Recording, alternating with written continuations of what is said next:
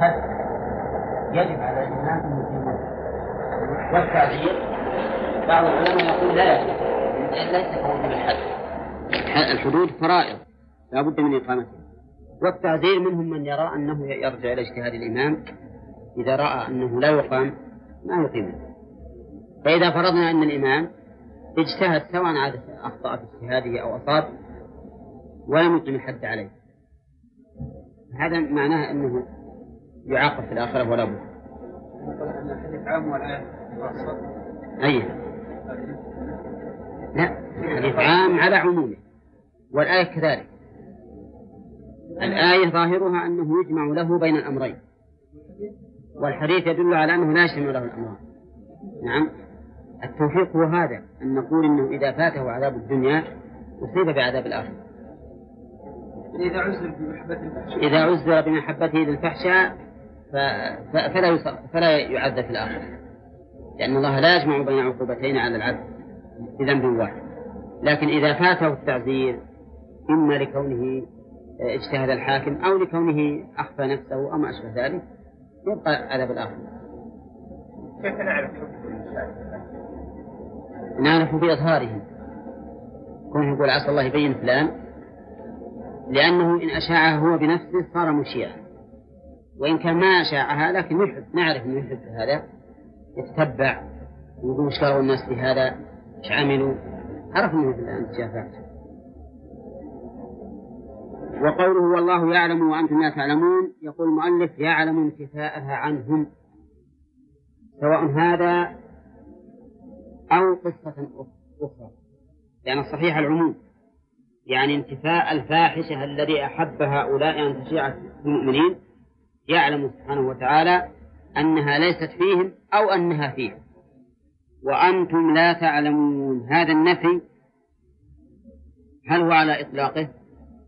يعني لا, لا تعلمون شيئا أو لا تعلمون ما يعلمه الله؟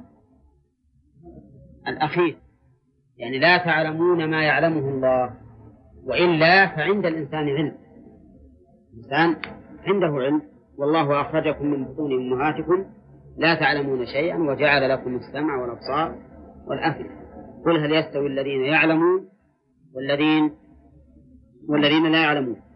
لكن لا تعلمون ما عند الله من العلم ولا تعلمون كعلم الله لأن علم الله واسع شامل تام وعلم الإنسان قاصر ناقص يعني محدود وناقص بخلاف علم الله سبحانه وتعالى. وفي هذا إشارة إلى أنه لا يجوز للإنسان أن يتكلم بمثل هذه الأمور حتى يكون لديه علم وإذا كان لديه علم أيضا فإنه يجب أن يتبع المصالح في ذلك. لو فرضنا أني أدري أن هذا الرجل أصاب فاحشة فهل من المستحسن أن أرفعها إلى الإمام لتبين وتبرز أو من المستحسن ألا أرفعها؟ الجواب هذا يتعلق بالمصلحة. إذا كان هذا الذي وقع من وقعت من الفاحشة رجلا معروفا بالعفة وبالصلاح وأن الأمر بدر منه هكذا هفوة فإنه لا ينبغي أن يرفع إلى الإمام ويشهد بل يستر عليه وينصح. وإذا كان الرجل معروفا بالشر والفساد كان من الواجب أن يبين أمره ويظهر ويشهد. ومثل ذلك أيضا مسألة العفو.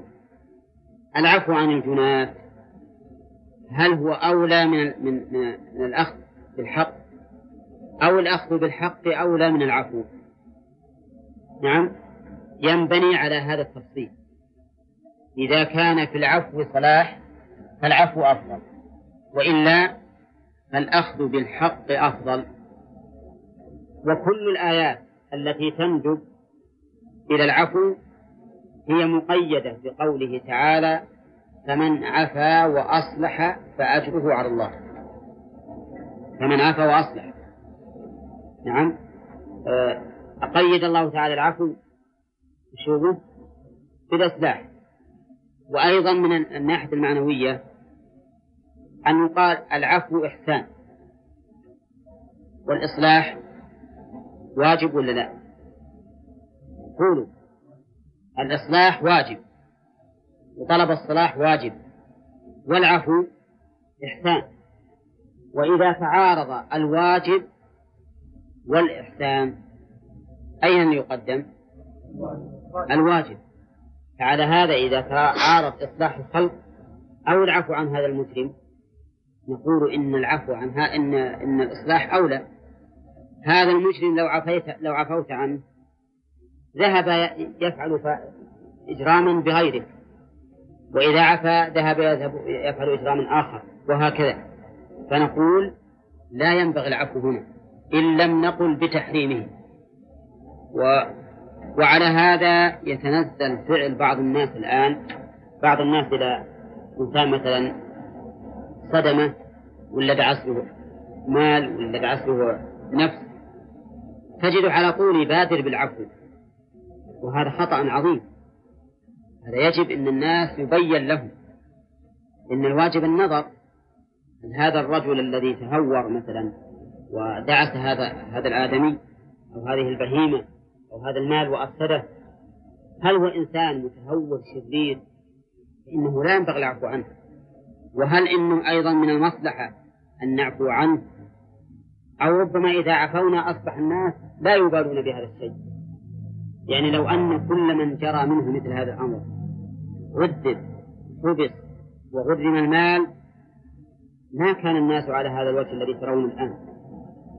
لكن مع الأسف أن بعض الإخوان تجد تأخذه العاطفة ويأخذه الزهد في الدنيا أمام الصدمة العظيمة التي أصابته. ثم على طول عندما يصاب مثل بالمصيبة الفادحة هذه ترخص الدنيا كلها عنده نعم يقول مثلا إلى راح آه، عزيزي هذا الذي علي عزيز ما يهمنا. الدنيا كلها صارت عندي ما هي شيء. ثم على طول يسأل هذا خطأ والواجب التعقل. ولهذا الحقيقة إن الأخذ بالعاطفة دون العقل من شيم النساء وليس من شيم الرجال ولا من سيم أيضا أهل الإصلاح. فإن الواجب في هذه الأمور أن ينظر ما هو الأصلح بالنسبة لهذا الشخص الخاص وبالنسبة للعموم. ثم قال تعالى ولولا فضل الله عليكم أيها العصبة ورحمته وأن الله رؤوف رحيم بكم لعاجلكم بالعقوبة كرر الله سبحانه وتعالى هنا لولا فضل الله عليكم ورحمته إلى آخره. لأن المقام كله مقام عظيم. ففي الأول الآية التي قبل الإفك في مسألة القذف وهو أمر عظيم وتدنيس لأعراض المسلمين. فلولا فضل الله على المسلمين ورحمته بإقامة الحدود التي ترجعهم وتمنعهم لحصل ما حصل. وكذلك ذكر لولا فضل عليكم ورحمته في في قصة الإفك كم مرت علينا من مرة؟ ها؟ ثلاث؟ هذا الثالثة؟ طيب. ولولا فضل الله عليكم ورحمته وأن الله رؤوف رحيم. رؤوف الرأفة هي الرحمة المتضمنة للرقة البالغة. يعني أنها أخص من الرحمة المطلقة. رحمة وزيادة. وأما ولهذا قال رحيم فجمع بين الأخص من حيث المعنى والأعم. الرحمة أعم من الرأفة كل رأفة فهي رحمة ولا عكس. لأنها أي الرأفة رحمة من نوع خاص. تقتضي زيادة في الرحمة وعناية بها والرحيم سبق أنه من أسماء الله سبحانه وتعالى. وقد قسم العلماء الرحمة إلى قسمين عامة وخاصة. فالعامة هي الشاملة لكل أحد من مؤمن وكافر وبر وفاجر وإنسان وبهيم أولى ولهذا لو قال لك قائل هل الكافر مرحوم ولا لا؟ نقول بالمعنى العام مرحوم لولا رحمة الله ما أكل ولا شرب ولا اكتسى ولا تزوج ولا ولد له إلى آخره. نعم. وأما الرحمة الخاصة فهي الخاصة بالمؤمنين التي تتضمن سعادة الدنيا والآخرة. وأما العامة فهي سعادة في الدنيا فقط. وأما الخاصة الخاصة سعادة في الدنيا والآخرة. هذه خاصة بمن؟ بالمؤمنين ثم قال الله تعالى يا أيها الذين آمنوا لا تتبعوا خطوات الشيطان أي طرق تزيينه لا تتبعوا خطوات الشيطان. الخطوات جمع خطوة وهي عبارة عن ما بين عن المسافة التي بين القدمين في المشي. هذه الخطوة. والمراد بخطوات الشيطان طرقه فعبر بالخطوة عن الطريق لأن الطريق أثر الخطى الطريق أثر الخطى وقول المؤلف طرق تزيينه نعم هو هكذا. الشيطان جميع طرقه مكروهة للنفوس لكنه يزينها للإنسان حتى يدخل فيها. طرق الشيطان من حيث المعنى العام هي التكذيب والاستكبار. هذه الطرق العامة للشيطان. فالشيطان مكذب ومستكبر. مكذب ومستكبر. مستكبر مثلا من أدلة استكباره أنه أبى أن يسجد لآدم. أبى أن يسجد لآدم. نعم. وتكذيبه أنه ادعى أنه خير من آدم فإن هذا يقتضي أنه كذب بكون آدم خيرا منه. فهذه الطريق طريق الشيطان على سبيل العموم التكذيب والاستكبار. طيب التكذيب يقابل إيش؟ يقابل الأخبار. والاستكبار يقابل التكذيب الأوامر والنواهي. الحكمان وإذا وجد وإذا تأملت جميع المعاصي وجدتها لا تخرج عن هذين الأمرين. إما تكذيب وإما استكبار فهو أي الشيطان طرقه أو طريقه مبني على هذين الأمرين.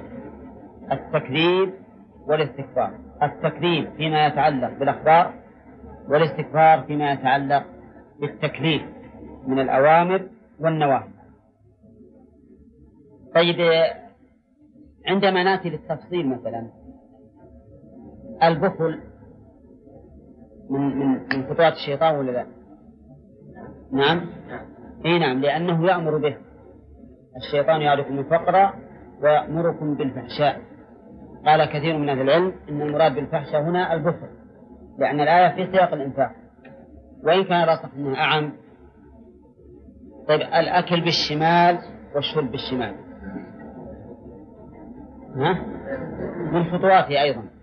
لأن النبي صلى الله عليه وسلم أخبر بأن الشيطان يأكل بشماله ويشرب بشماله.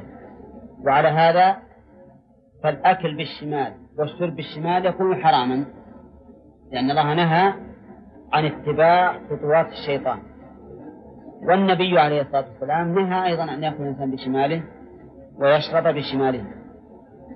ومن ثم نأخذ خطر تهاون الناس اليوم بهذه المسألة. لأن كثيرا من الناس نسأل الله لنا ولهم الهداية الآن لا يعني يأكلون بالشمال ويشربون بالشمال. ويزعمون أن هذا تقدم ومدنية يزعمون أن هذا تقدم ومدنية والسبب هو الشعور بالنقص. لأن الإنسان مع الأسف متى شعر أو شعر بنقصه فإنه لا بد أن يقلد من يرى أنه أكمل منه. فهؤلاء المغبونون هؤلاء المغبونون ظنوا أن غيرهم من هذه الأمم الكافرة أرقى منه وأشد تقدما.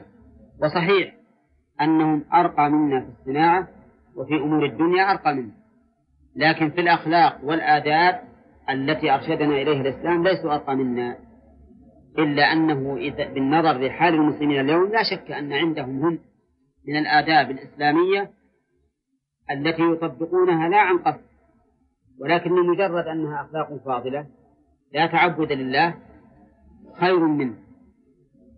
ومع الأسف أن المسلم الذي أمر بتطبيق هذه الآداب والأخلاق هو الذي تقاعس عنه مع أن المسلم إذا طبقها يكون متصفا بهذه الأخلاق الفاضلة وهذه لا شك أنها نبل وشرف وزيادة على ذلك يكون مأجورا لأنه يفعلها امتثالا لأمر الله ورسوله أولئك إذا فعلوها يؤجرون ولا لا؟ ما يؤجرون إنما يفعلونها لأنها أخلاق فاضلة فهم مثلا عندهم صدق المعاملة وعندهم بيان وعدم غش وعندهم وفاء بالوعد. كل هذه من الصفات التي أمر الإسلام بها. كثير من المسلمين الآن متخل عن هذه الصفات. لكن إذا اتصف بها المسلم يكون محمودا عليها ويكون مأجورا عليها أيضا لأنه يفعلها امتثالا. أقول إن خطوات الشيطان إذن طرقه. التي يسير عليها والتي هي منهج سلوكه وذلك دائر على أمرين هما التكذيب والاستكبار. وقد تكون خطوات الشيطان مبينة مخصوصة كما قلنا في مسألة الأكل بالشمال والشرب بالشمال. قال الله تعالى ومن يتبع خطوات الشيطان فإنه أي المتبع يأمر بالفحشاء أي القبيح والمنكر شرعا باتباعهما. ومن يتبع خطوات الشيطان من؟ وش نعرفه؟ شرطية. من؟ اسم شرط. ومن الشرطية؟ تحتاج إلى شرط وجزاء. يعني إلى فعل شرط وجواب شرط. أين فعل الشرط؟ يتبع وجواب الشرط فإنه الجملة فإنه يأمر بالفحشاء والمنكر. طيب عندنا الآن من يتبع؟ وعندنا الشيطان خطوات الشيطان. فإنه الضمير يعود على أيهما؟ ها؟ إن نظرنا إلى أصل الجملة والموضوع قلنا إنه يعود إلى من؟ لأن التحدث الآن لأن جواب الشرط يعود على ما يعود عليه فعل الشرط. جواب الشرط يعود على ما يعود إليه فعل الشرط.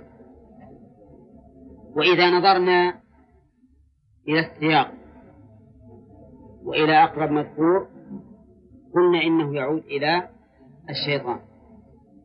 مثل المعنى ومن يتبع خطوات الشيطان وقع في المنكر في الفحشاء والمنكر. ومن يتبع خطوات الشيطان وقع في الفحشاء والمنكر.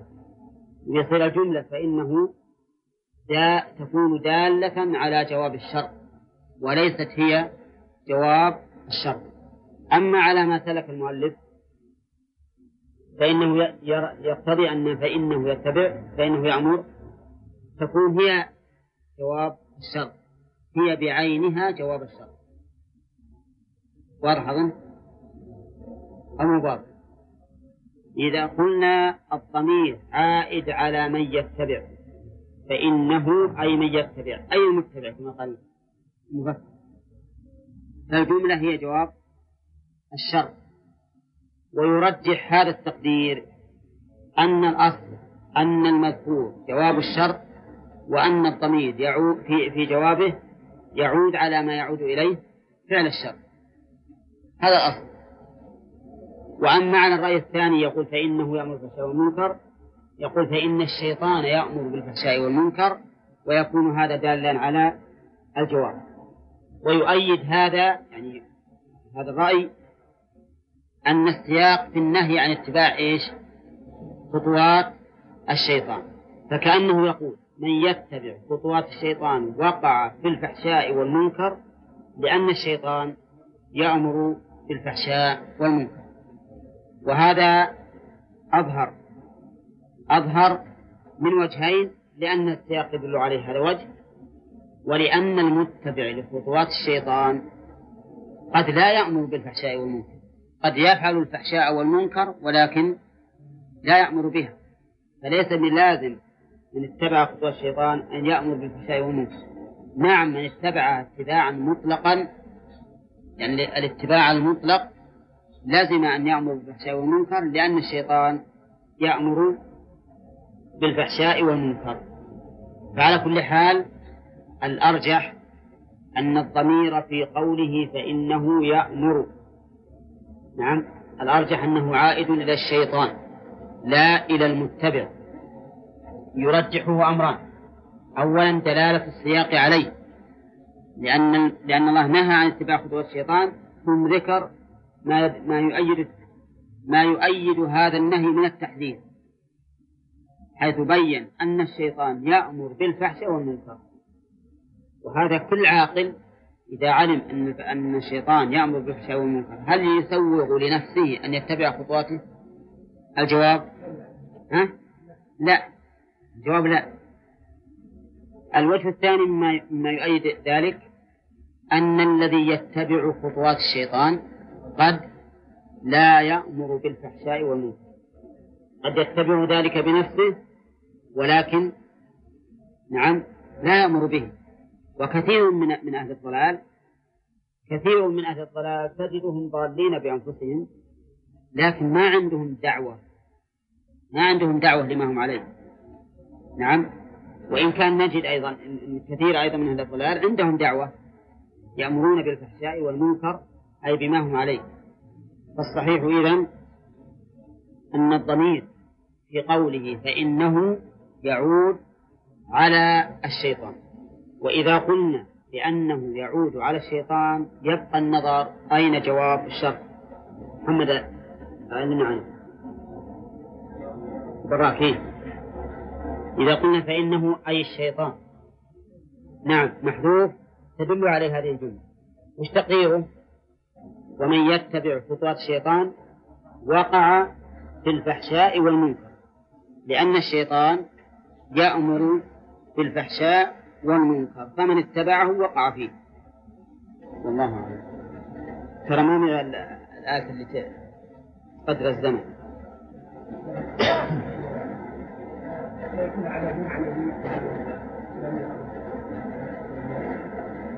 يمكن يكون عذاب معنويا لما يحصل لهم من من الحسرة والقلق وما أشبه ذلك. يمكن تكون نعم. ها؟ نعم. ها للتحريم نعم. النهي للتحريم. ولهذا إذا كان للتحريم ما يسوغه ما يفعل بعض الناس الآن يقول والله أنا آكل أخاف أني أكلت شربت باليمين وأنا آكل أخاف أني ألوث الإناء. وقد يكون الصفح بدون عفو بمعنى أن الإنسان يعرض عن هذا الاعتداء لكن قلبه مملوء على صاحبه ولا ولم يعفو عنه. نعم. وقد يكون العفو بدون صفح بأن يتجاوز ولا يعاقبه على ذنبه ولكنه ليس معرضا عن هذا الذنب. كلما جاءت مناسبة ذكره. على هذا أمر الله تعالى بالأمرين جميعا. يعفو ويصفح. وهذا نظير قوله تبارك وتعالى يا أيها الذين آمنوا إن من أزواجكم وأولادكم عدوا لكم فاحذروهم وإن تعفوا وتصفحوا وتغفروا. فإن الله غفور رحيم. ففرق الله تعالى بين العفو والصفح. قال الله تعالى ألا تحبون أن يغفر الله لكم والله غفور رحيم. غفور رحيم المؤمنين قال أبو بكر رضي الله عنه بلى أنا أحب أن يغفر الله لي ورجع إلى مصطح أو رجع. رجع إلى مصطح ما كان ينفقه عليه. قوله ألا تحبون. هذا عرض. أو تحضير. هو عرض لكنه بمعنى التحضير. يعني يحضنا أن نحب هذا الشيء. لكننا ليس المقصود أن نحب هذا الشيء فقط بل أن نسعى في أسبابه لأن من أحب شيئا سعى في أسباب الحصول عليه. قد يدعي كل واحد يقول أنا أحب أن يغفر لي. ومع ذلك هو منهمك في المعاصي من ترك الواجب وفعل المحرم. وهو يقول أنا أحب أن يغفر لي. ألكم معي. هل محبته هذه صادقة؟ ها؟ نعم ليست صادقة. لأن من أحب شيئا سعى في الوصول إليه. ولهذا قال الله تعالى ألا تحبون أن يغفر الله لكم. يعني فإذا كنتم تحبون ذلك فاعفوا واصفحوا عن غيركم. فإن من عفا وصفح عن غيره غفر, غفر الله له. ثم قال والله غفور رحيم. الغفور مأخوذ من المغفرة وهي ستر الذنب مع التجاوز عنه. وليست مطلق الستر بل ستر مع التجاوز. أما الستر بدون تجاوز فليس بمغفرة وإنما قلنا إنها الستر مع التجاوز لأن التجاوز هو الذي به الوقاية من العذاب. وأصل ذلك من المغفر فإن المغفر يستر الرأس مش بعد؟ ويقين ويدل على ذلك أيضا على أن الستر هو عبارة المغفرة هو الستر مع الوقاية. أنه جاء في الحديث صحيح عن النبي عليه الصلاة والسلام أن الله يخلو بعبده المؤمن يوم القيامة فيقرره بذنوبه حتى إذا أقر بها قال الله قد سترتها عليك في الدنيا وأنا أغفرها لك اليوم. فدل ذلك على أن المغفرة غير الستر وإلا لكانت المغفرة في الدنيا من قبل فالمغفرة شيء والستر شيء آخر لكن كل مغفرة تتضمن الستر. وليس كل ستر يتضمن المغفرة لأن من غفر لك ولم يعاقبك معناه أنه ستر عليك إذ لو عاقبك لفضحك طيب أبو بكر رضي الله عنه يقول المؤلف أنه رد رجع أو رجع. يقول رجع ولا رجع؟ ها؟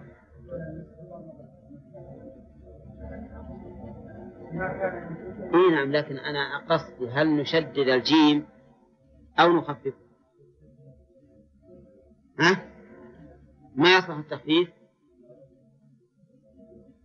قال الله تعالى فإن رجعك الله إلى طائفة منهم. إن رجعك بمعنى ردك. لأن رجع في الحقيقة تستعمل متعديا ولازما. رجع فعل ماضي يستعمل متعديا ولازما. فإذا قلت رجعت من كذا فهذا لازم. وإذا قلت رجعت إلى فلان ما استعرته منه. رجعت إلى فلان ما استعرته منه صارت الآن متعدية. إذا رجع إلى نصفه ما كان ينفقه عليه. بمعنى رد. فتصلح بالتخفيف صلى الله نعم. نعم. لا مو غير الستر بمعنى أنه مباين له. يعني ليس مجرد الستر.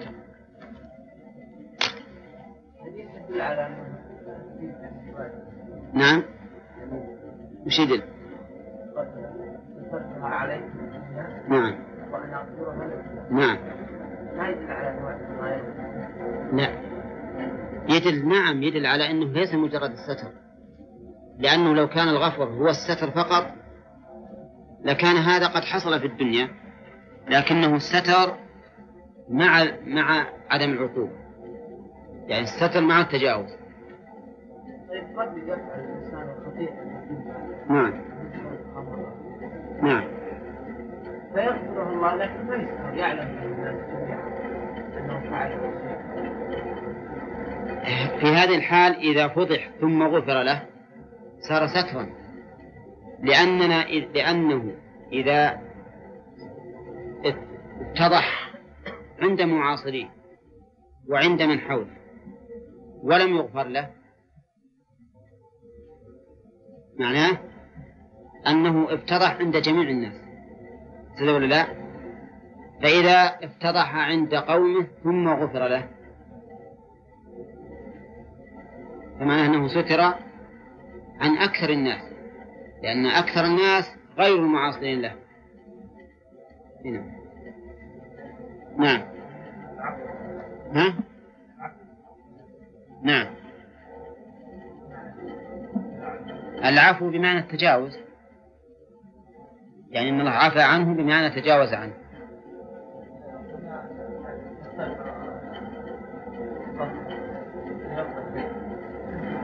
لا هو الله ما يقول صفحت عنكم. إنما الصفح فيما نحن نؤمر به. وأما الله فلا فلا أذكر الآن أن الله يقول صفح عنهم بل يقول عفى عنهم ولا يقول صفح. الصفح هو العفو إذا اجتمع في حق المخلوق. فإنه يفسر العفو بكذا بعدم المؤاخذة على الذنب والصفح بالإعراض عنه كلية وكأنه لم يجري. فيكون تكميلا للعفو.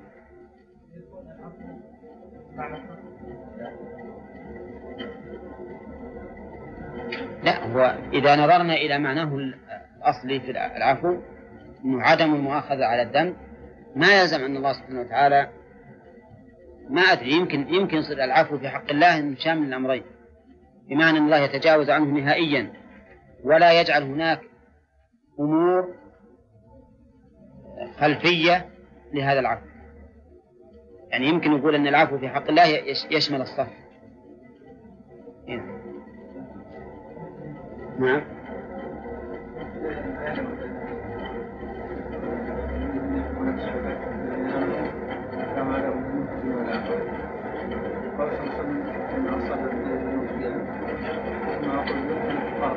نعم. نعم.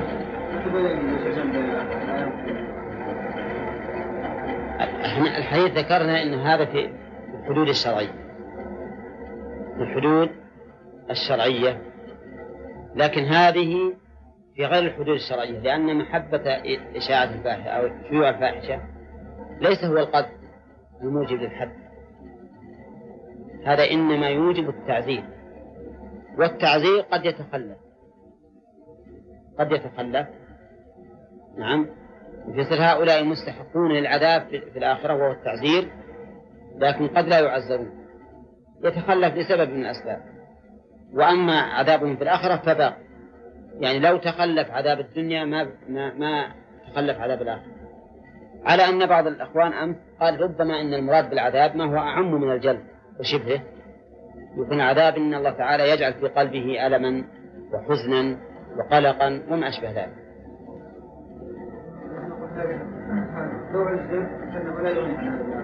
شلون؟ إلا لو عزره الإمام فإننا نقول بمقتضى أن الحد يكفر التعذير يكفر أيضا. التعذير يكفر إذا كان مستوفيا. لأن حقيقة الأمر أن تعزير الإمام الإمام بالنسبة للتعزير قد يتركه إطلاقا مع وجوده وقد يفعله مع التهاون به وقد يفعله على وجه الكمال بمعنى أنه يعاقب هذا المعتدي عقوبة تامة. تكون كالحد الشرعي لأن يعني نعلم أن الحد الشرعي أنه عقوبة تامة لأنه من الله لكن التعزير قد ينقص عن مقابلة الذنب أو الجرم. يصير أقل فيكون ناقصا. وقد يكون مساويا فيكون تاما وقد لا يؤخذ به الإنسان إطلاقا يصير مثل الحاكم إما ظالم وإلا له قرابة مع هذا الشخص فيحابيه. نعم. كيف؟ إيش؟ قلنا على هذا للعرض. الذي بمعنى التحضير. يعني أن الله يحضنا على أن نحب مغفرة الله ويلزم من محبة المغفرة السعي في أسباب حصولها. نعم. يا عبد الله؟ ها؟ نعم. أي نعم نعم. الظاهر انتهى. أنا وعدتكم بأن أقول أحب أنكم تستعرضون الفوائد التي فيها وتكتبونها. نعم. إن شئتم اذكروا الآيات أولا ثم اسردوا الفوائد. بدون تفسير ما يحتاج التفسير. وإن شئتم اذكروا كل آية وحدها وقولوا يستفاد من هذه الآية كذا وكذا. لا بأس. نعم. فنبي نشوف لعلنا نحصل على فوائد أكثر. الشافعي رحمه الله استنبط من قول النبي صلى الله عليه وسلم يا أبا عمير ما فعل النغير ألف فائدة. وحديث كلمتين واللي معنا قرآن عشر آيات. يقتضي أنكم تجيبون لنا عشرة آلاف. طيب على كل حال اتقوا الله ما استطعتم. والله وفضل الله يؤتيه من يشاء. ولهذا لما قال رجل لعلي بن أبي طالب هل عهد إليكم النبي صلى الله عليه وسلم بشيء؟ قال ما عهد إلينا بشيء إلا فهما يؤتيه الله تعالى في الكتاب.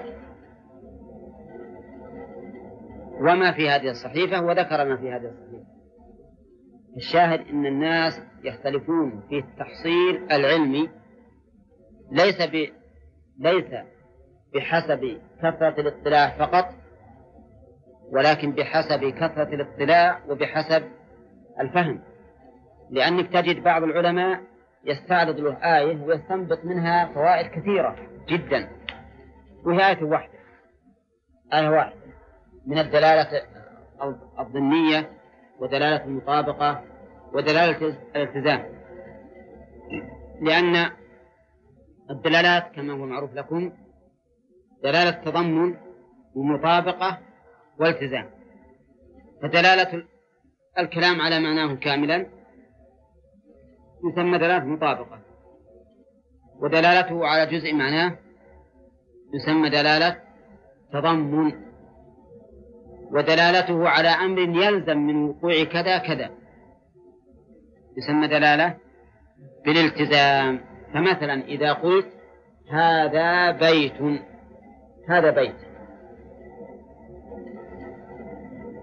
هذه الكلمة تدل على كل البيت بغرفه وحجره وسطوحه. دلالة إيش؟ مطابقة. وكونها تدل على أن فيه حجرة وفيه غرفة وفيه سطح وش دلالة؟ تضمن. وكونها تدل على أن له بان على أن له بانيا بناه هذه دلالة التزام لأن من لازم وجوده أن يكون له بان. فهذه الدلالات الثلاث يختلف فيها الناس اختلافا كثيرا. وبحسب هذا الاختلاف يتسع علم الإنسان. ولذلك ينبغي أن الطالب يمرن نفسه على كثرة الاستنباط من النصوص. لأنه كم من نص واحد تأخذ من صفحة من الفوائد والمسائل. ويجي واحد آخر يمكن ما يحصل منه ولا سطرين. فلذلك ينبغي لطالب العلم كما أنه يمرن نفسه على كثرة المطالعة وقراءة الكتب ينبغي أيضا أن يمرن نفسه على الاستنباط الاستنباط منين؟ من الأدلة. وكم من دليل واحد دل على مئات المسائل بحسب فهم الإنسان. فيستغني بذلك حقيقة اللي يرزق الله فهم يستغني بذلك عن نصوص كثيرة. ما يحتاج إلى أن يجهد نفسه في تحصيلها ومطالعتها. هنا ها؟ إيش؟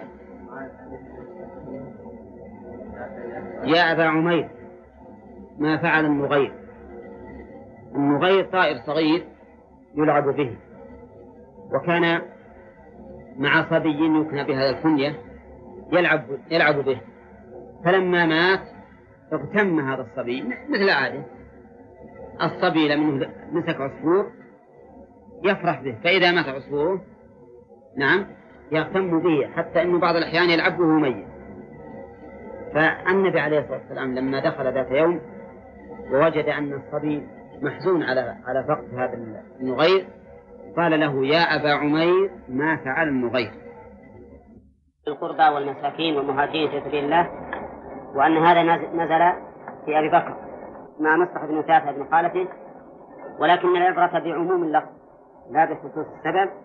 الآية المذكورة هي من جملة الآيات التي الآيات التي ذكرنا أنكم تأتون بفوائدها. وعلى هذا تضاف إلى ما سبق. بس الآخرة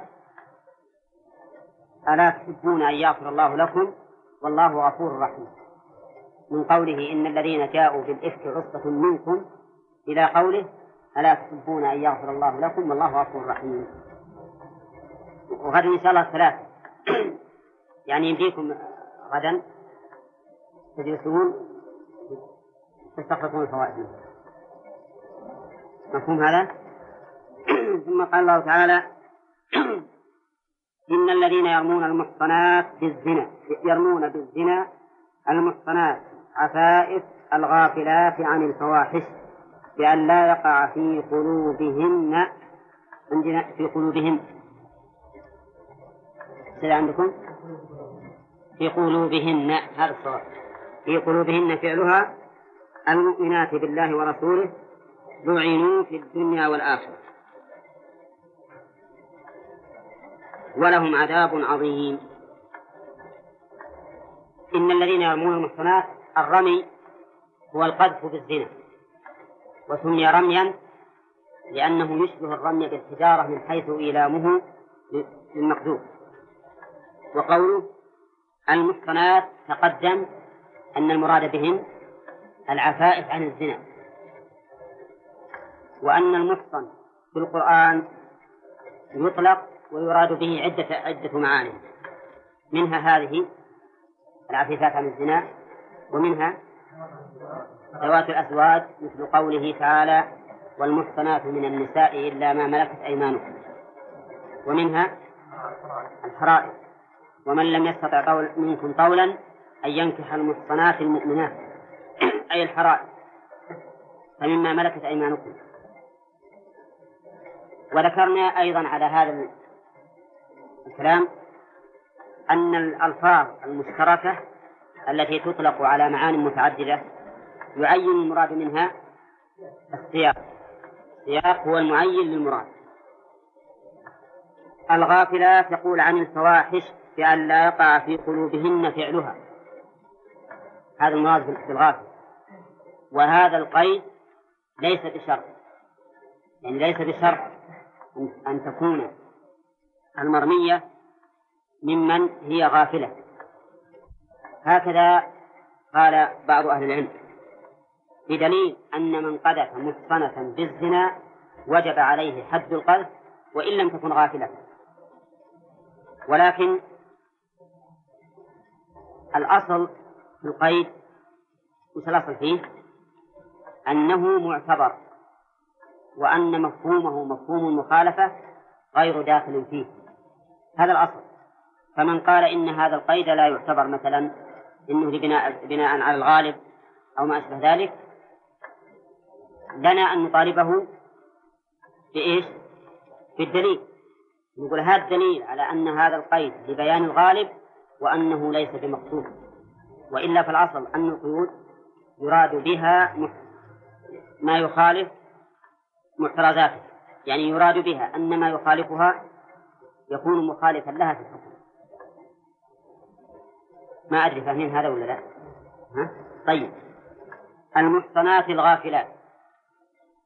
بعض العلماء يقول إن الغافلات هذه قيد لبيان الواقع وليست مقصودة بمعنى أن من رمى محصنة فعليه هذه اللعنة وإن لم تكن غافلة. وش دليله؟ قال لأن من قذف محصنة وجب عليه حد القذف وإن لم تكن غافلة. والغافلة فهمت المعنى إنها التي لا يرد في ذهنها هذا الأمر الذي رميت به وهو أبلغ من كونها لم تفعله ولم تتهم به. الغافلة أبلغ من من لا تتهم به لأن قد لا تتهم به ولكن قد يرد في قلبها هذا الشيء إلا أنها لا تفعله فالغافلات أكمل حالا من مجرد إيش؟ المحصنات فيقول هذا القائل الذي ذهب إلى أن الغافلات قيد لبيان الواقع وأنه لا مفهوم له يؤيد رأيه هذا بأن المحصنة إذا قذفت وجب على قاذفها الحد وإن لم تكن غافلة مفهوم هذا ولا لا؟ نقول له ردا على كلامه وتقريره ادعاؤك أن الغافلات قيد أغلبي وأنه لا مفهوم له واستدلالك على ذلك بأن رمي المحصنة بالقذف يوجب الحد وإن لم تكن غافلة هذا غير مسلم غير مسلم به لماذا؟ لأن الأصل في القيد الاعتبار وأنه يخرج مفهوم وأنه يخرج ما عداه بمفهوم المخالفة. هذا الأصل. أن القيود التي ترد في القرآن أو في السنة الأصل فيها أنها ها؟ أنها قيود تخرج مفترضاتها. تخرج من مفترضاتها من هذا الحكم. فمثلا عندما نقول إن الغافلات قيد أغلبي لا يخرج مفترضة هذا خلاف الأصل وعلى مدعيه وش عليه الدليل ها؟ إيش؟ على على مدعيه الدليل هو استدل على ذلك بأن قذف المحصنة يوجب الحد وإن لم تكن غافلة هذا صحيح ولا لا؟ هذا صحيح المرأة المحصنة التي لا تتهم بالزنا إذا قذفها القاذف وجب عليه الحد وإن لم تكن غافلة لأننا نرد هذا الاستدلال أو هذا التأييد الذي أيد به قوله بأن الحكم مختلف. فهناك حد القذف وهنا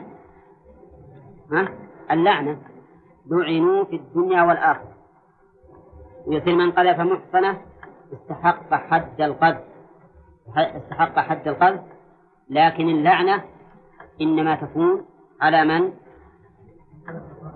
على من قذف محصنة غافلة. على من قذف محصنة غافلة. هذا هو الأصل. هذا هو الأصل. ولذلك نؤيد أن الغافلات قيد اعتباري لا أغلبي. وأن الحكم الذي هو اللعن في الدنيا والآخرة لا يكون إلا لمن قذف نعم. محصنة غافلة. محصنة غافلة. ذلك لأن الأصل على حسب ما سمعتم في هذا التقرير الأصل من القيود. إيش؟ اعتبارية تخرج عن الحكم محترزاته هذا الأصل. فمن خرج عن هذا الأصل ألزم بالدليل. ألزم بالدليل. طيب. أما من قال إن المراد بهذه الآية عائشة رضي الله عنها مثلا إن المراد عائشة وأنها غافلة عن هذا الأمر. فهذا صحيح. عائشة غافلة. لكننا أيضا نرد قوله بماذا؟ بأن الآية عام. الآية عامة. فهذا أيضا مثل الأول. حمل العام على الخصوص. يحتاج إلى دليل. فمن ادعاه فعليه الدليل وإلا وجب الأخذ بالعموم. طيب يقول الله تعالى لعنوا في الدنيا والآخرة. طيب المؤمنات بالله ورسوله المؤمنات. إذا قال قائل لماذا قدم الله الوصف بالإحصان على الإيمان؟ أن الإيمان أعظم وهو الأصل. فلماذا قدمه؟ نقول وجه تقديمه هنا واضح. لأن الرمي بالزنا ينقض الإحصان. الرمي بالزنا ينقض الإحصان وينافيه. فبدأ بالوصف الذي ينقض ما, ما رميت به وهو الإحصان. ليش؟ لأن المؤمنة قد تكون مؤمنة وليست محصنة. لكن المحصنة اللي هي أبعد شيء عما رميت به ليست هي مؤمنة فقط بل ومحصنة أيضا. فعلى هذا نقول وجه تقديم المحصنة على المؤمنة مع أن الإيمان أكمل وأولى بالاعتبار. أن المسألة في رد قول يتعلق بإيه؟ ها؟ بالإحصان. فناسب أن يذكر ما يتعلق به من الحكم وهو وصف الإحصان قبل وصف الإيمان. وقوله لعنوا في الدنيا والآخرة. الجملة مش محل من الإعراب ها؟ وشي؟ ما هي جواب شرط؟ ما عندنا شرط. خبر إن. خبر إن. إن الذين يرمون لعنوا. لعنوا في الدنيا والآخرة ولهم عذاب عظيم. هنا ما قال لعنهم الله. قال لعنوا. لما لأجل أن يشمل ذلك لعنة الله وغيره سبحانه وتعالى. لعنوا مثل قوله يلعنهم الله ويلعنهم اللاعنون. يعني أن الله يلعنهم وكذلك اللاعنون يلعنونه وبناء الفعل لمجهول من فوائده العموم. من فوائده العموم. وليس دائما من هذه الفوائد لكن في مثل هذه الآية من العموم. مثل اهدنا الصراط المستقيم صراط الذين أنعمت عليهم غير قال غير المغضوب عليهم. ما قال غير غير من أغضبت عليهم مثل ما قال أنعمت عليهم. ليش؟ لأن النعمة من الله والغضب من الله ومن غيره. كل من استكبر عن الحق فإنه مغضوب عليه لا من قبل الله فحسب ولكن من قبل الله وغيره. هذا أيضا اللعنة هنا من قبل الله وغيره ولذلك بنيت للمجهول لعنوا في الدنيا والآخرة ولهم عذاب عظيم. اللعنة الطرد والإبعاد عن رحمة الله هذا بالنسبة للعنة الله. فهم والعياذ بالله مطرودون عن رحمة الله سبحانه وتعالى في الدنيا والآخرة. وبالنسبة لغير الله يلعنون في الدنيا بحيث يسبون ويقدح فيهم ويبعد عن الاختلاط بهم. تجد الناس يبتعدون عنهم. وتسبب لأنهم ممقوتون محذورون كل يحذر منهم ويخاف أن يتهموه بما اتهموا به فلانا وفلانا. طيب هذه الآية المحصنات الغافلات. هل المحصنين الغافلين مثلهن؟ نعم. نعم. بالإجماع أن أن المحصنات بل أن المحصنين مثل المحصنات في هذه إذا ما وجه ذكر هذا للنساء دون الرجال؟ ما داموا مشتركين في الحكم؟ لأن كثرة قذف في النساء أكثر. لأن القذف في النساء أكثر من الرجال. يعني كون المرأة تقذف وتتهم بالكذب أكثر من أو بالزنا قصدي أكثر من الرجال. لذلك ذكرت هي والرجل مثلها بالاتفاق قال تعالى يوم تشهد عليهم ألسنتهم وأيديهم إلى آخره قال يوم ناصبه الاستقرار الذي تعلق به لهم. ولهم عذاب عظيم يوم. ما جعلها المؤلف متعلقة بلعنوا الدنيا والآخرة؟ جعلها متعلق بلهم. بالجار والمجرور بالاستقرار المس... الذي تعلق به الجار والمجرور لأن لهم عذاب عظيم آه، نريد من الأخ عبد المحمود يعرفها لنا.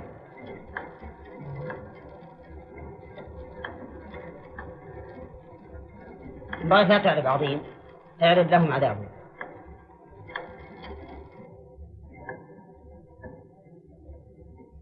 من يعرفه؟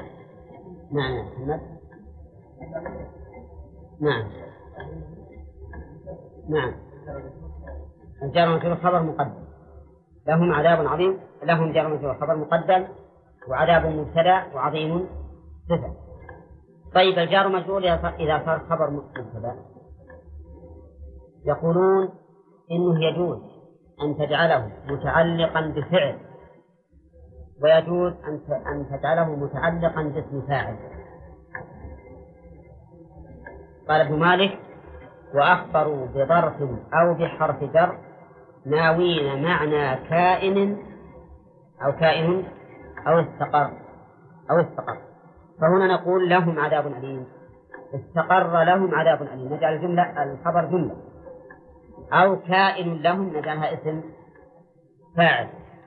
وأيا كان فإن كائن يصح أن يتعلق به الظرف واستقر أيضا يصح أن يتعلق به الظرف وعلى هذا فنقول يوم تشهد العذاب العظيم يكون لهم متى؟ يكون لهم يوم تشهد عليهم ألسنتهم إلى آخره أرجو أن واضح نعم ما هو واضح؟ نعم ولا لا؟ غير واضح الآن له جار ومجرور خبر مقدم فهمتم؟ لكن هل الجار والمجرور هو الخبر ولا متعلق الجار والمجرور هو الخبر؟ الجواب متعلقه لكن هم يقولون الجار والمجرور خبر من باب التسامح من باب التسامح والتجوز فالخبر هو المحذوف الذي تعلق به جار ومجرور وش تقديره؟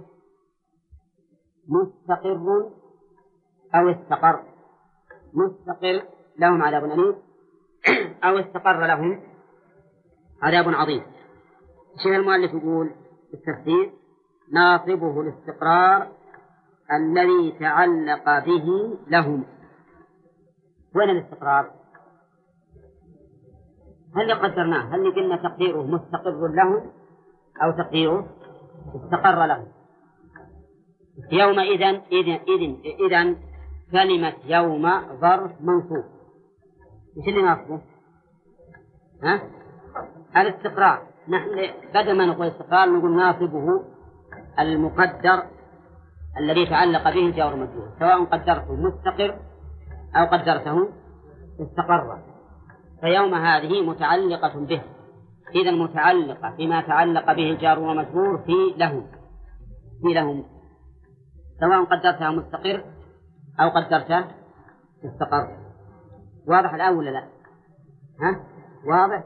طيب وذلك الآن انتهينا من تفسير الآية وذلك لأن الخبر إذا كان جارا أو مجرورا جارا ومجرورا قصد إذا كان جارا ومجرورا لابد أن يتعلق بمحذوف إما أن تقدره فعلا وإما أن تقدره اسم فاعل. فتقول استقر له أو مستقر له. كذا. وسمعتم البيت الذي أنشدناه بناء لهذه القاعدة في الألفية. وأخبروا بظرف أو بحرف جر. ناوين معنى كائن أو استقر. ها؟ كائن هذا اسم فاعل. استقر. ها؟ فعل. هذا العذاب العظيم متى يكون لهم؟ يوم تشهد عليهم. تشهد بالفوقانية والتحتانية. تشهد ويشهد. ألسنتهم وأيديهم وأرجلهم بما كانوا يعملون من قول وفعل وهو يوم القيامة. يعني اليوم الذي تشهد فيه هذه الجوارح هو يوم القيامة. قول تشهد بالفوقانية والتحتانية يعني أن فيها قراءتين. تشهد ويشهد. وذلك لأن ألسنة جمع. ألسنة جمع. تكسير ولا مذكر جمع تكسير وجمع التكسير يجوز فيه التذكير والتأنيث. تقول قال الرجال وقالت الرجال. تشهد مؤنث ولا مذكر؟ مؤنث. ويشهد مذكر. كلاهما جائز. ألسنتهم جمع لسان وأيديهم جمع يد وأرجلهم جمع رجل بما كانوا بما كانوا يعملون. قال المؤلف من قول وفعل. استفدنا من كلام المؤلف رحمه الله فائدة عظيمة وهو أن العمل يشمل القول والفعل بخلاف الفعل ولهذا نجعل القول وش قسيمه؟ ها؟ تقول قول وش قسيمه أن يكون مقابل له؟ فعل ما تقول قول وعمل إذا أردت أن تحرر تماما تقول قول وفعل ويجوز قول وعمل لكن على سبيل التجوز إذا فهمنا أن العمل يطلق على القول وعلى الفعل بل قال أهل السنة والجماعة في بحثهم في الإيمان إن العمل يشمل عمل اللسان وهو القول وعمل الجوارح وهو الفعل وعمل القلب أيضا عمل القلب اللي مثل خوفه ورجاؤه ومحبته وما أشبه ذلك يعني حركة القلب حركة القلبية. فصار إذن العمل إذا قيل عمل يشمل القول والفعل وإذا أردت أن تقسم تقول قول وفعل. قول وفعل إذا سمعت أو جاءك عبارة فيها قول وعمل فاعلم أن هذا من باب التجوز. من باب التجوز. تجوز بالعمل عن الفعل. وإلا فالأصل أن الفعل قسيم القول لا أن العمل قسيم القول. اي نعم في فرق. عظيم إذا قلت عمل يشمل القول والفعل وإذا قلت فعل يختص بالفعل اللي هو عمل الجوارح والقول عمل اللسان. فالعمل يشمل قول اللسان وعمل وفعل الجوارح. لكن الفعل يختص بفعل الجوارح فقط. لا إذا قيل قول وعمل من باب التقسيم. من باب التقسيم لكنه تجوز في إطلاق العمل على أحد معنيه وهو الفعل. هم هم أقسام على خاصة نريد التقسيم. طيب أقول آه، يوم تشهد عليهم ألسنتهم وأيديهم وأرجلهم. اللسان يشهد على الإنسان كيف يشهد؟ يقول لهذا القاذف للمحصنة الغافلة المؤمنة يقول إنك قذفتها لسانه نفسه يقول إنك قذفتها مع أن الفعل؟ منه فعله بالدنيا؟ ها؟ العمل عمل اللسان. العمل عمل اللسان ومع ذلك يشهد اللسان على صاحبه بهذا بهذا القول. الذي هو القذف أيديهم أيضا تشهد عليهم. أرجلهم تشهد عليهم. وقد ذكر الله سبحانه وتعالى أن هذه الأعضاء تشهد على الإنسان يوم القيامة. وكذلك ذكر أن الجلود تشهد أيضا وأنه يحصل محاورة بين الإنسان وبين جنسه. وقالوا لجلودهم لما شهدتم علينا؟ قالوا أنطقنا الله الذي أنطق كل شيء وهو خلقكم أول مرة. وفي هذه الآية إثبات البعث وإثبات الجزاء. وأن الجزاء من جنس العمل. وش الدليل؟ قوله؟ بما كانوا يعملون. تشهد بما كانوا يعملون. لا بزيادة ولا بنقص. وفيه أيضا تمام قدرة الله عز وجل. حيث أن هذه الأعضاء تنطق. الأعضاء تنطق. مع أن النطق في العادة نعم باللسان لكن يكون النطق في كل شيء إذا أراد الله سبحانه وتعالى. ولهذا تقول الجنود أنطقنا الله الذي أنطق كل شيء. وفي هذا دليل على عظم القذف للمحصنات الغافلات المؤمنات. وقد ثبت عن النبي صلى الله عليه وسلم أنه من الكبائر. أنه من الكبائر. فقال اجتنبوا السبع الموبقات وذكر منهن قذف المحصنات الغافلات المؤمنات. وفي هذا دليل على غيرة الله عز وجل على تمام غيرة الله وأنه جل وعلا غيور.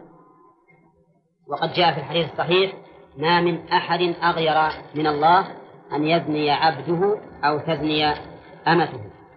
وكذلك قصة سعد بن عبادة لما نزلت قوله تعالى والذين يرمون المحصنات ثم لم يأتوا بأربعة شهداء فإذا لم يأتوا بالشهداء فأولئك عند الله هم الكاذبون فأن سعد رضي الله عنه تشكل كيف أن الرجل يجد على زوجته رجلا ثم يذهب يطلب أربع شهود لا يأتيه إلا وقد فرغ نعم وقال رضي الله عنه للنبي عليه الصلاة والسلام والله لأضربنه بالسيف غير مصفح.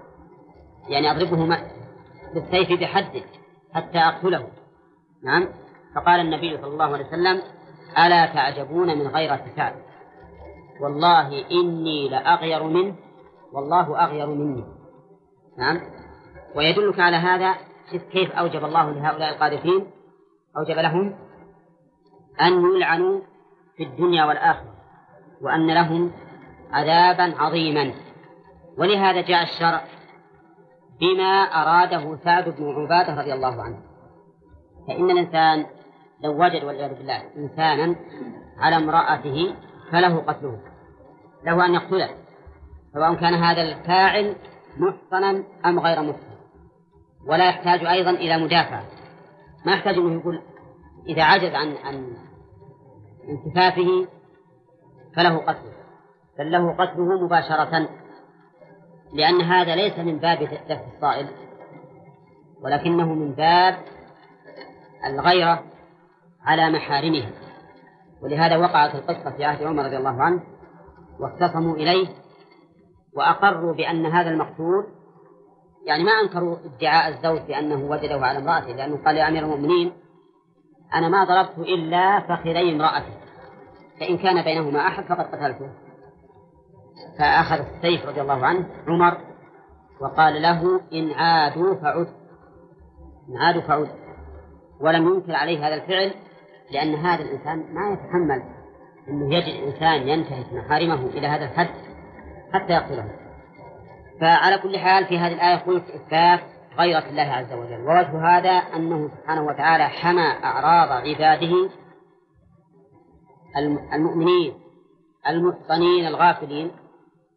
بهذه العقوبة العظيمة وهي اللعن في الدنيا والآخرة. طيب هل يستفاد من الآية جواز لعن القاذف للمحصنة الغافلة المؤمنة؟ لقوله لعنوا في الدنيا. أو هذا بيان لواقع الأمر أن الناس يلعنونهم ويكرهونهم ويبعدونهم عن مجالسهم وعن مخالطتهم. ما رأيكم؟ الحقيقة أن الآية محتملة مثل قوله صلى الله عليه وسلم اتقوا الملاعن الثلاث البرازة في الموارد وقارعة الطريق والظل. ورواية مسلم اتقوا اللاعنين. قالوا وما اللاعنان؟ قال الذي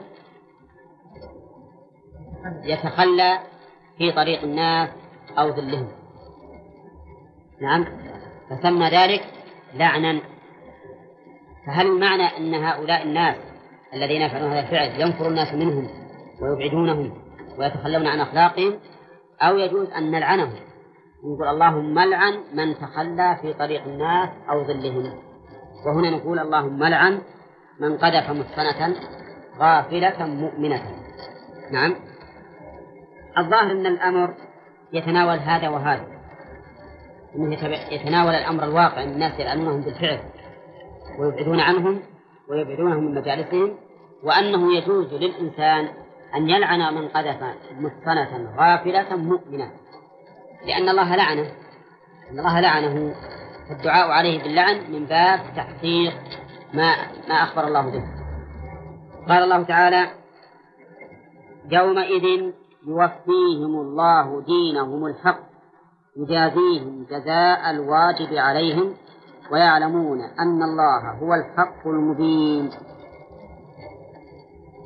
حيث إيش؟ حيث حقق لهم جزاءهم الذي كانوا يشكون فيه فيه ومنهم عبد ومنهم عبد الله بن أبي والمحسنات هنا شك أزواج النبي صلى الله عليه وسلم لم يذكر في قصدهن توبة ومن ذكر في قصدهن أول السورة التوبة غيره غيرهن طيب يقول يومئذ يوفيهم الله دينهم الحق يوفيهم بمعنى يعطيهم وافيا. فقل وفيته حقه أي أعطيته إياه وافيا. وقوله دينهم أي جزاءهم. والدين كما أسلفنا كثيرا يطلق على العمل وعلى جزاء العمل. فمن إطلاق الدين على العمل قوله تعالى اليوم أكملت لكم دينكم. المراد جزاءكم ولا لا؟ ها؟ اليوم أكملت لكم دينكم. يعني جزاءكم؟ لا. وإنما المراد العمل الذي تدينون الله به. ومثل قوله تعالى مالك يوم الدين. إيش المراد؟ الجزاء. المراد الجزاء. فالدين إذا يطلق ويراد به العمل والجزاء على العمل. ومنه قولهم كما تدين تدان. كما تدين تدان يعني كما تعمل تجاز فإذا دينهم الحق دينهم أي جزاء عملهم. وقوله الحق بمعنى العدل بمعنى العدل. وذلك لأن الحق إن قيل في مقابلة الخبر فهو بمعنى الصدق. وإن قيل في في مقابلة الحكم سواء كان الحكم تشريعيا أم جزائيا فمعناه العدل. معناه العدل. هنا قيل في مقابلة حكم جزائي. وعليه فيكون المراد بالحق يعني العدل الذي ليس فيه ظلم ولا جور. وهكذا جزاء الله سبحانه وتعالى يكون دائما حقا يعني عدلا ليس فيه جور. طيب أليس جزاء الله تعالى للحسنات؟ الحسنة بعشر أمثالها إلى سبعمائة ضعف إلى أضعاف كثيرة. هل ينافي الآية هذه ولا لا؟ ها؟ الجواب لا ينافيها لأن هذا عدل وزيادة. كون الله يجازي العامل أكثر من من عمله هذا عدل وزيادة. لكن كون الإنسان الذي يجازي غيره على عمل سيء فيعاقبه بأكثر مما يستحق. هذا جور ولا لا؟ جور.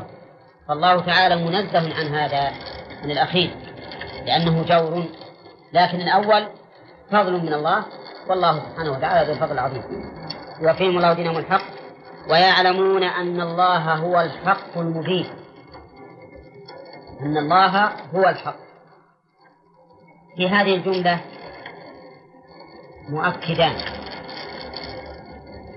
نعم. وإن شئنا قلنا ثلاثة. ثلاثة مؤكدات. آه، يبين أحمد. القاضي. نعم. أن وضمير الفصل. نعم هذه اثنين.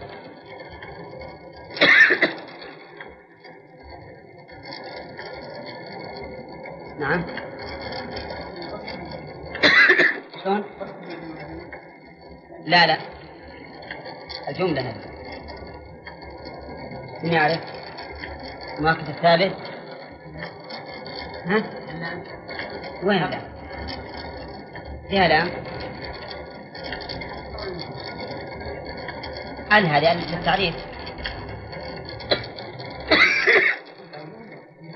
ها؟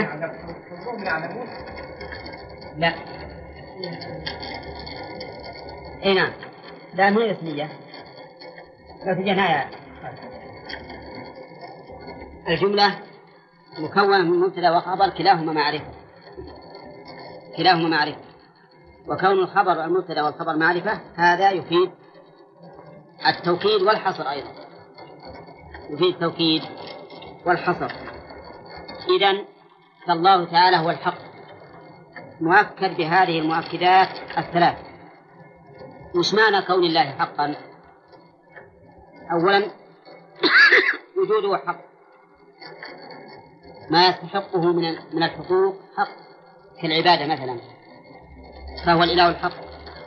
ما صدر عنه من خبر أو حكم فهو حق.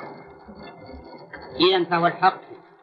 في ذاته وجودا واستحقاقا وكذلك احكاما فهو سبحانه وتعالى موجود حقا وهو المستحق لما يختص به حقا ما يشارك أحد فيه.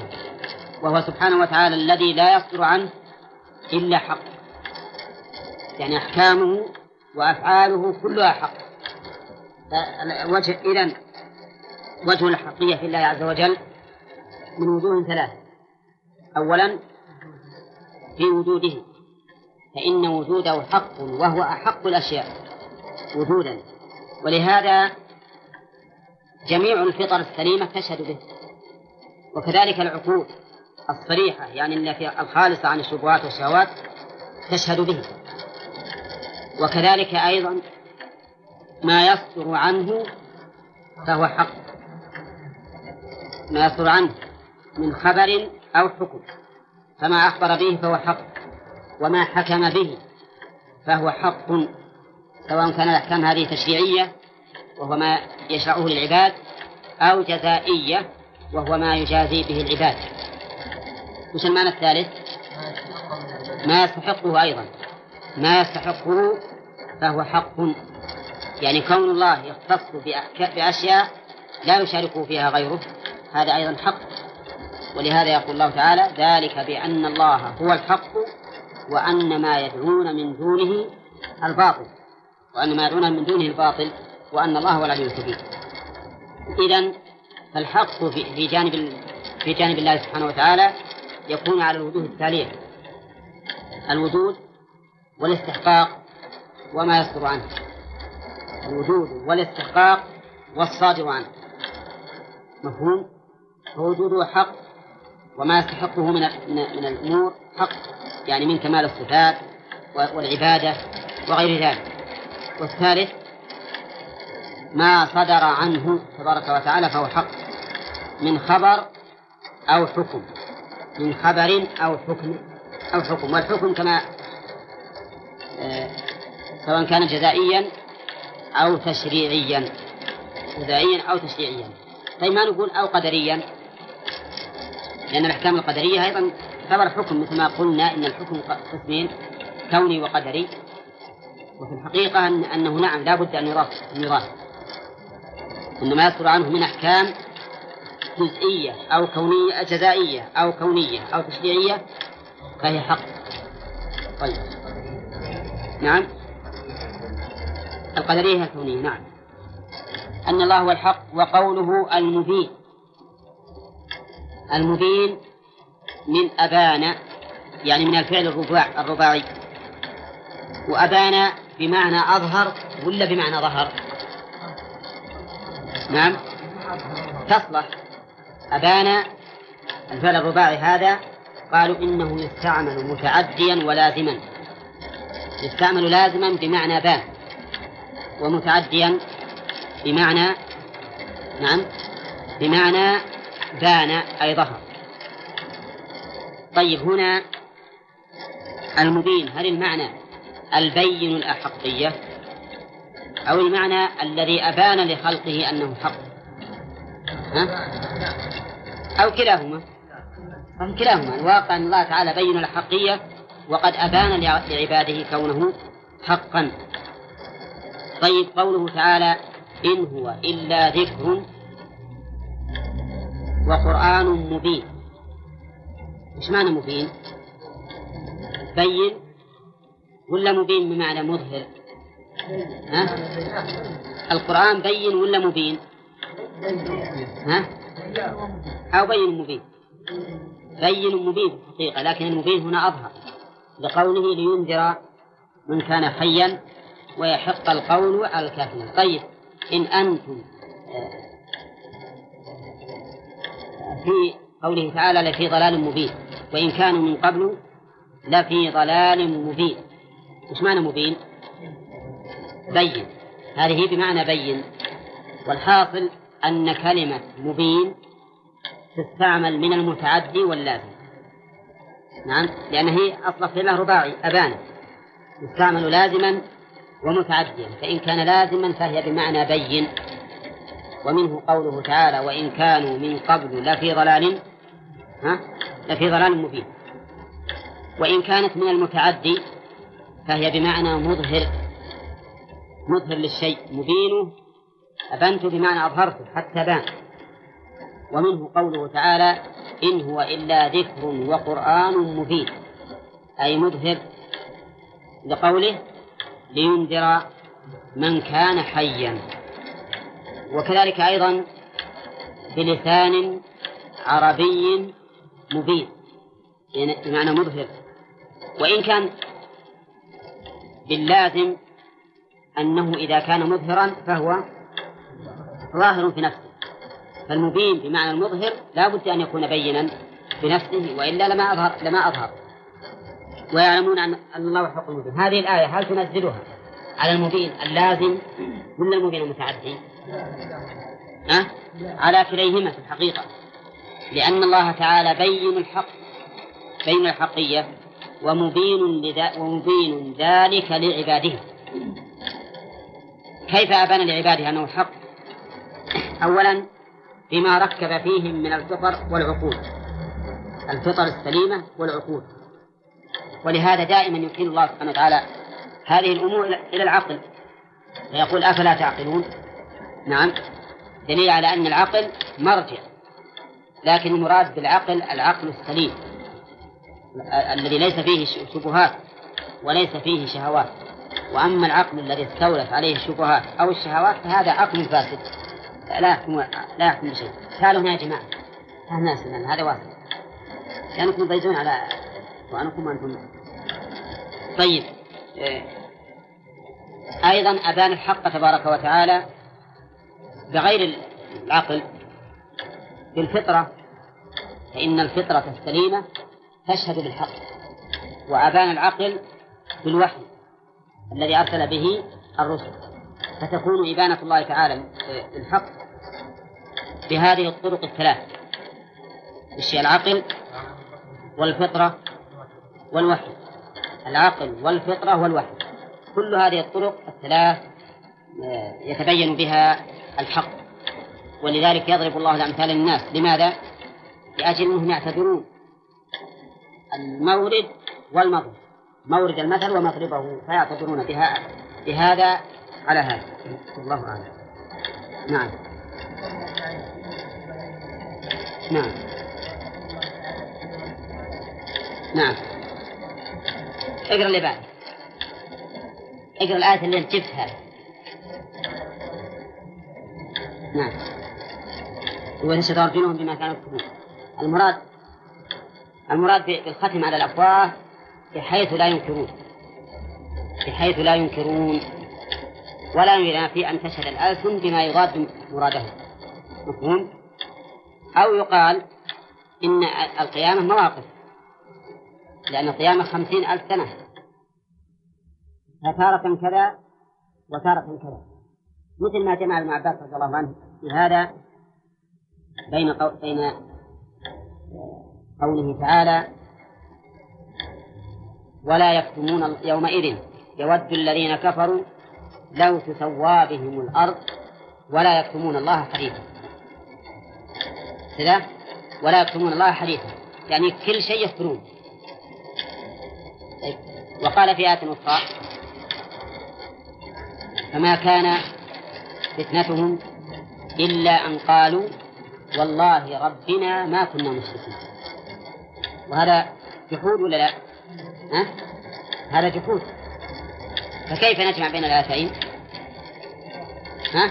أن نقول إن إن القيامة مواقف وهكذا أيضا جمع بعض العلماء بين قوله تعالى ونحشر المسلمين يومئذ زرقا وقوله يوم تبيض وجوه وتسود وجوه هنا سواد وهناك زرقة منهم من قال إن هذا باعتبار مواقف القيامة. ومنهم من قال إن الزرقة في العيون والسواد في الوجوه. ومنهم من قال إن الناس يختلفون الكفار. منهم أزرق ومنهم أسود. على كل حال إنما قصدي أن أهل العلم رحمهم الله لجأوا إلى الجمع بين الآيات التي ظاهرها التعارض يوم القيامة لأن يوم القيامة ليس ساعة واحدة حتى تتعارض فيه الآيات. يوم القيامة خمسين ألف سنة. تختلف الأحوال فيه نعم. نعم. نعم.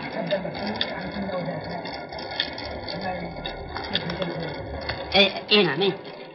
هذا هذا المراد. يعني إنه يدافع عنهم ولكن يشهد بخلاف. يشهد بخلاف. يصير اللسان لسانين لسان شاهد موافق للجواب وهو المقصود بهذه الآية. ولسان آخر منكر وهو الموافق لمراد صاحبه. أين يصير كأنه لو أنكر الإنسان باللسان الذي يتابعه في إرادته نفس اللسان يشهد عليه. والحكمة هنا والله أعلم من ذكر اللسان لأن القذف إنما حصل به. القذف إنما حصل به. ولهذا قدمه على الأيدي والأرض للخبيثين والخبيثون للخبيثات والطيبات للطيبين والطيبون للطيبات. من حكمة الله سبحانه وتعالى أنه جعل الأشياء متناسلة متشاكلة كل شيء وما يناسبه. في الدنيا وفي الآخرة أيضا كما قال الله تعالى احشروا الذين ظلموا وأزواجهم وما كانوا يعبدون. أزواجهم يعني أشكالهم ونظراءهم وكل شيء من حكمة الله سبحانه وتعالى أنه جعله يشاكل الآخر ويميل إليه. من جملة هذه القاعدة التي ذكرها الله سبحانه وتعالى بعد ذكر ما تقدم من قصة الإفك وما جرى لهؤلاء الذين أرادوا أن يدنسوا فراش رسول الله صلى الله عليه وسلم ويطعنوا في أهله وفي أصحابه كما مر علينا ومن المعلوم أن أطيب الطيبين من الخلق هو النبي صلى الله عليه وسلم. فلا يمكن أن الله سبحانه وتعالى يجعل تحته امرأة خبيثة. ولهذا قال سبحانه وتعالى الخبيثات من النساء ومن الكلمات للخبيثين من الناس والخبيثون من الناس للخبيثات مما ذكر. ها؟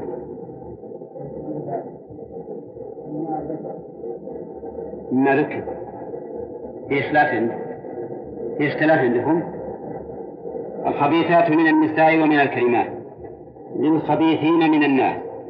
والخبيثون من الناس للخبيثات مما ذكر والطيبات مما ذكر للطيبين من الناس والطيبون منهم للطيبات مما ذكر أي اللائق أي اللائق بالخبيث مثله وبالطيب مثله.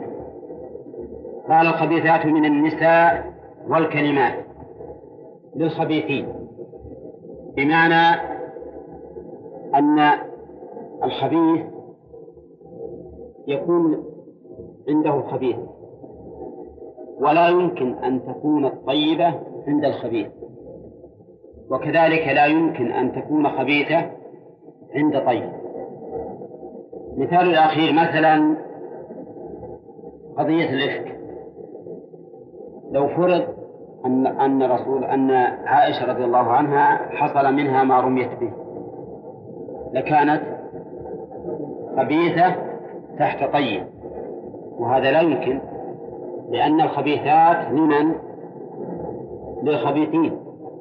خبيثات للخبيثين. وقول من النساء ومن الكلمات؟ من النساء واضح.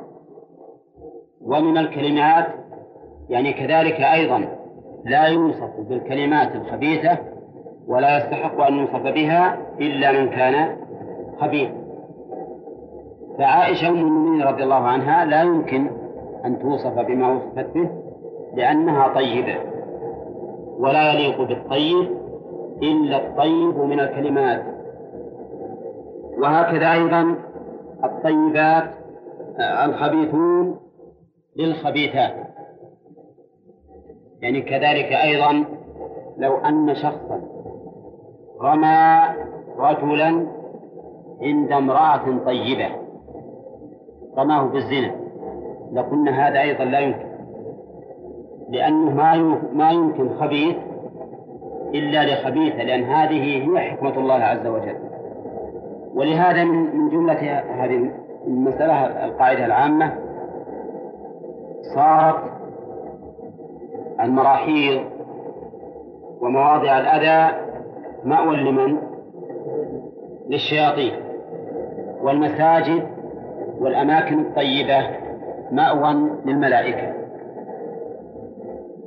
بل نزيد على ذلك نقول النفس الطيبة يقترن بها الطيب.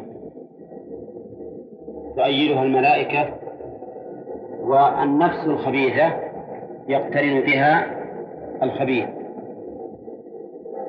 واضح؟ يعني مثلا الإنسان السيء الزائغ يسلط عليه قرين حتى يكون مصاحبا له على وجه يغنيه ويضله. والنفس الطيبة يعينها الله سبحانه وتعالى على قرينها حتى يسلم وحتى لا يأمرها بالشر. كل هذا بناء على هذه القاعدة التي هي موافقة لحكمة الله عز وجل. الطيبات للطيبين والطيبون للطيبات. الطيب